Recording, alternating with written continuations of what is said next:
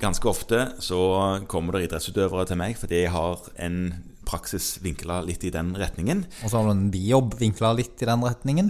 Riktig. Ja. Eh, og da eh, er det noen ganger kne som er problemet. Ja, Kne er jo et komplisert ledd. Altså det å ha både hengsle og rotasjonsfunksjon i samme leddet. Ja, Og at du skal òg ha det som en stiv søyle når du står. Det er, ja. Du har mange krav til kneet, Ja. så det er jo et under at det ikke går galt oftere, Ja. egentlig. Men smerter i kne er en ganske vanlig problemstilling. Ja. Selv i praksiser ulik min, så vil jeg tro at mange kommer med det. Ja. Ja. En, en annen gruppe er jo de som du da har påført dette fordi at du har stått og kjefta de huden full fordi de trener for lite. Eh, ja. Og så kommer de tilbake med smerter i kneet. Ja da, det, Ja. det skjer selvfølgelig. Eller de gamle som har eh, artrose der. Ja.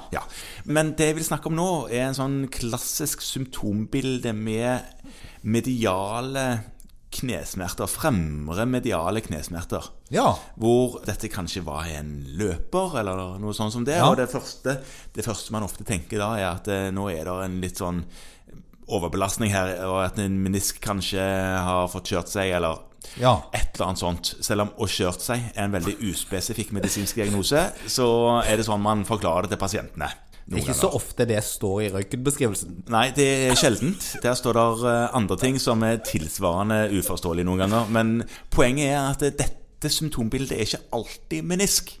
Nei, og nå, nå tenker du på noe helt annet, tror jeg. Ja, jeg tenker... Du har kanskje fått en røntgenbeskrivelse som Ja.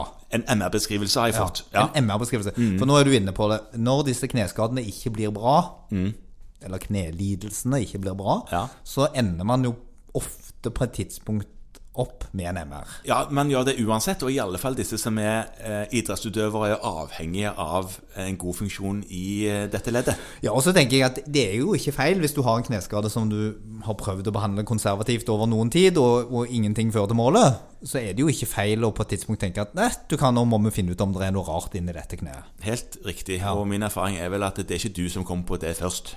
Nei, ofte kommer vi på det Vi kommer på det tidlig, men vi holder jo litt igjen. Ja da. Ja. da. Men så blir, så blir ønsket om eh, videre utredning etter hvert eh, såpass eh, høyt hos pasienter. At du innfrir det ønsket. Ja, noen ganger, så, og, det, og noen ganger er det riktig. Ja, jeg tenker det er veldig fornuftig, det. Men der fikk jeg da en beskrivelse fra radiologen om at menisken var fin, Ja. men det var noe som heter medialt plikasyndrom. ja. Ja. Medialt plika-syndrom. Og da ble du kjempeklok.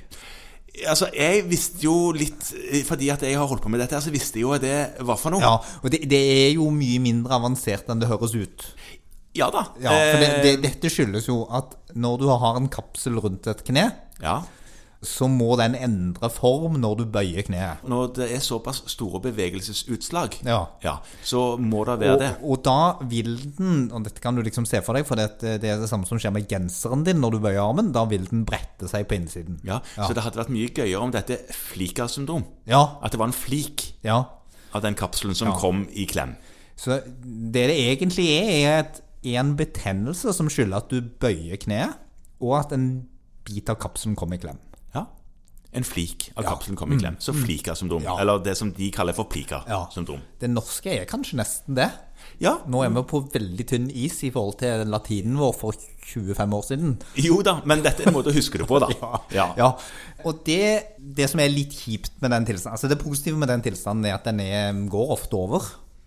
Ja da, det er litt tid imellom det at det gjør vondt og det at det går over. Men eh, hvis man klarer å på en måte jobbe litt målretta i den tiden, Ja. så går det bra. ja, og mm, da er det mange ting man kan gjøre. Man kan prøve alt det man gjør på andre betennelser, altså betennelsesdempende og kortison, og sikkert mye spennende hos fysioterapeuter. Og mye av dette har moderat effekt. Ja da. Som alt annet så er det veldig mye du kan holde på med der for å dra ut tiden. Ja, Ja. For det er ofte tiden og avlastning som er poenget. Men så er det én ting som faktisk skal vise seg god effekt, og det er styrketrening på kvadriceps. Ja, Ja. nettopp. Mm. Så det å bli sterk i kneet, og, og der, der ligger det nok kanskje da, sånn teoretisk en viss sånn stabilisering av knebevegelsen, så har det en positiv effekt på utviklingen. Ja. Og så er det en sjelden gang, for det at veldig mange av disse, særlig de med dårlig tid, de skal opereres. Ja, Ja, sant. de, I hvert fall selv i eget ønske. Ja. Eh, og det er det lurt å fraråde, for det gir ikke noe kjempegode resultater med mindre tilstanden har stått over lang tid, med Mm. god konservativ trening, uten bedring av symptomene. Og denne her eh, kvadriceps styrketreningen, den er veldig lur, bare du ikke bøyer kne for mye i treningen. Nei, altså du må liksom ikke ta sånn dype knebøy. Nei, nettopp. Eh, og så må du nok redusere litt på den aktiviteten som skapte problemet i utgangspunktet. Og der ligger jo den største pedagogiske utfordringen selv for en idrettsmedisiner som deg, vil jeg tro. Det er riktig, for du har jo med veldig mye Pasientene har sin egen identitet knyttet opp til den aktiviteten som du sier at du får ikke lov å holde på med det på en liten stund nå. Jeg tenker at Hvis du hadde fått dette under studietiden, Morten, der du hadde en sånn tvangslidelse ved å løpe samme vei rundt Sognsvann, er Bare én vei rundt Sognsvann. ja, flere dager i uken, Mm. så hadde vi hatt en stort behov for kognitiv atferdsterapi. Ja, dere hadde slitt, dere som jeg gikk på studiet med, ja. Så det det skal man være åpen for, og må man jobbe med pasienten om at du må avlaste dette for at det skal bli fort bra. Ja.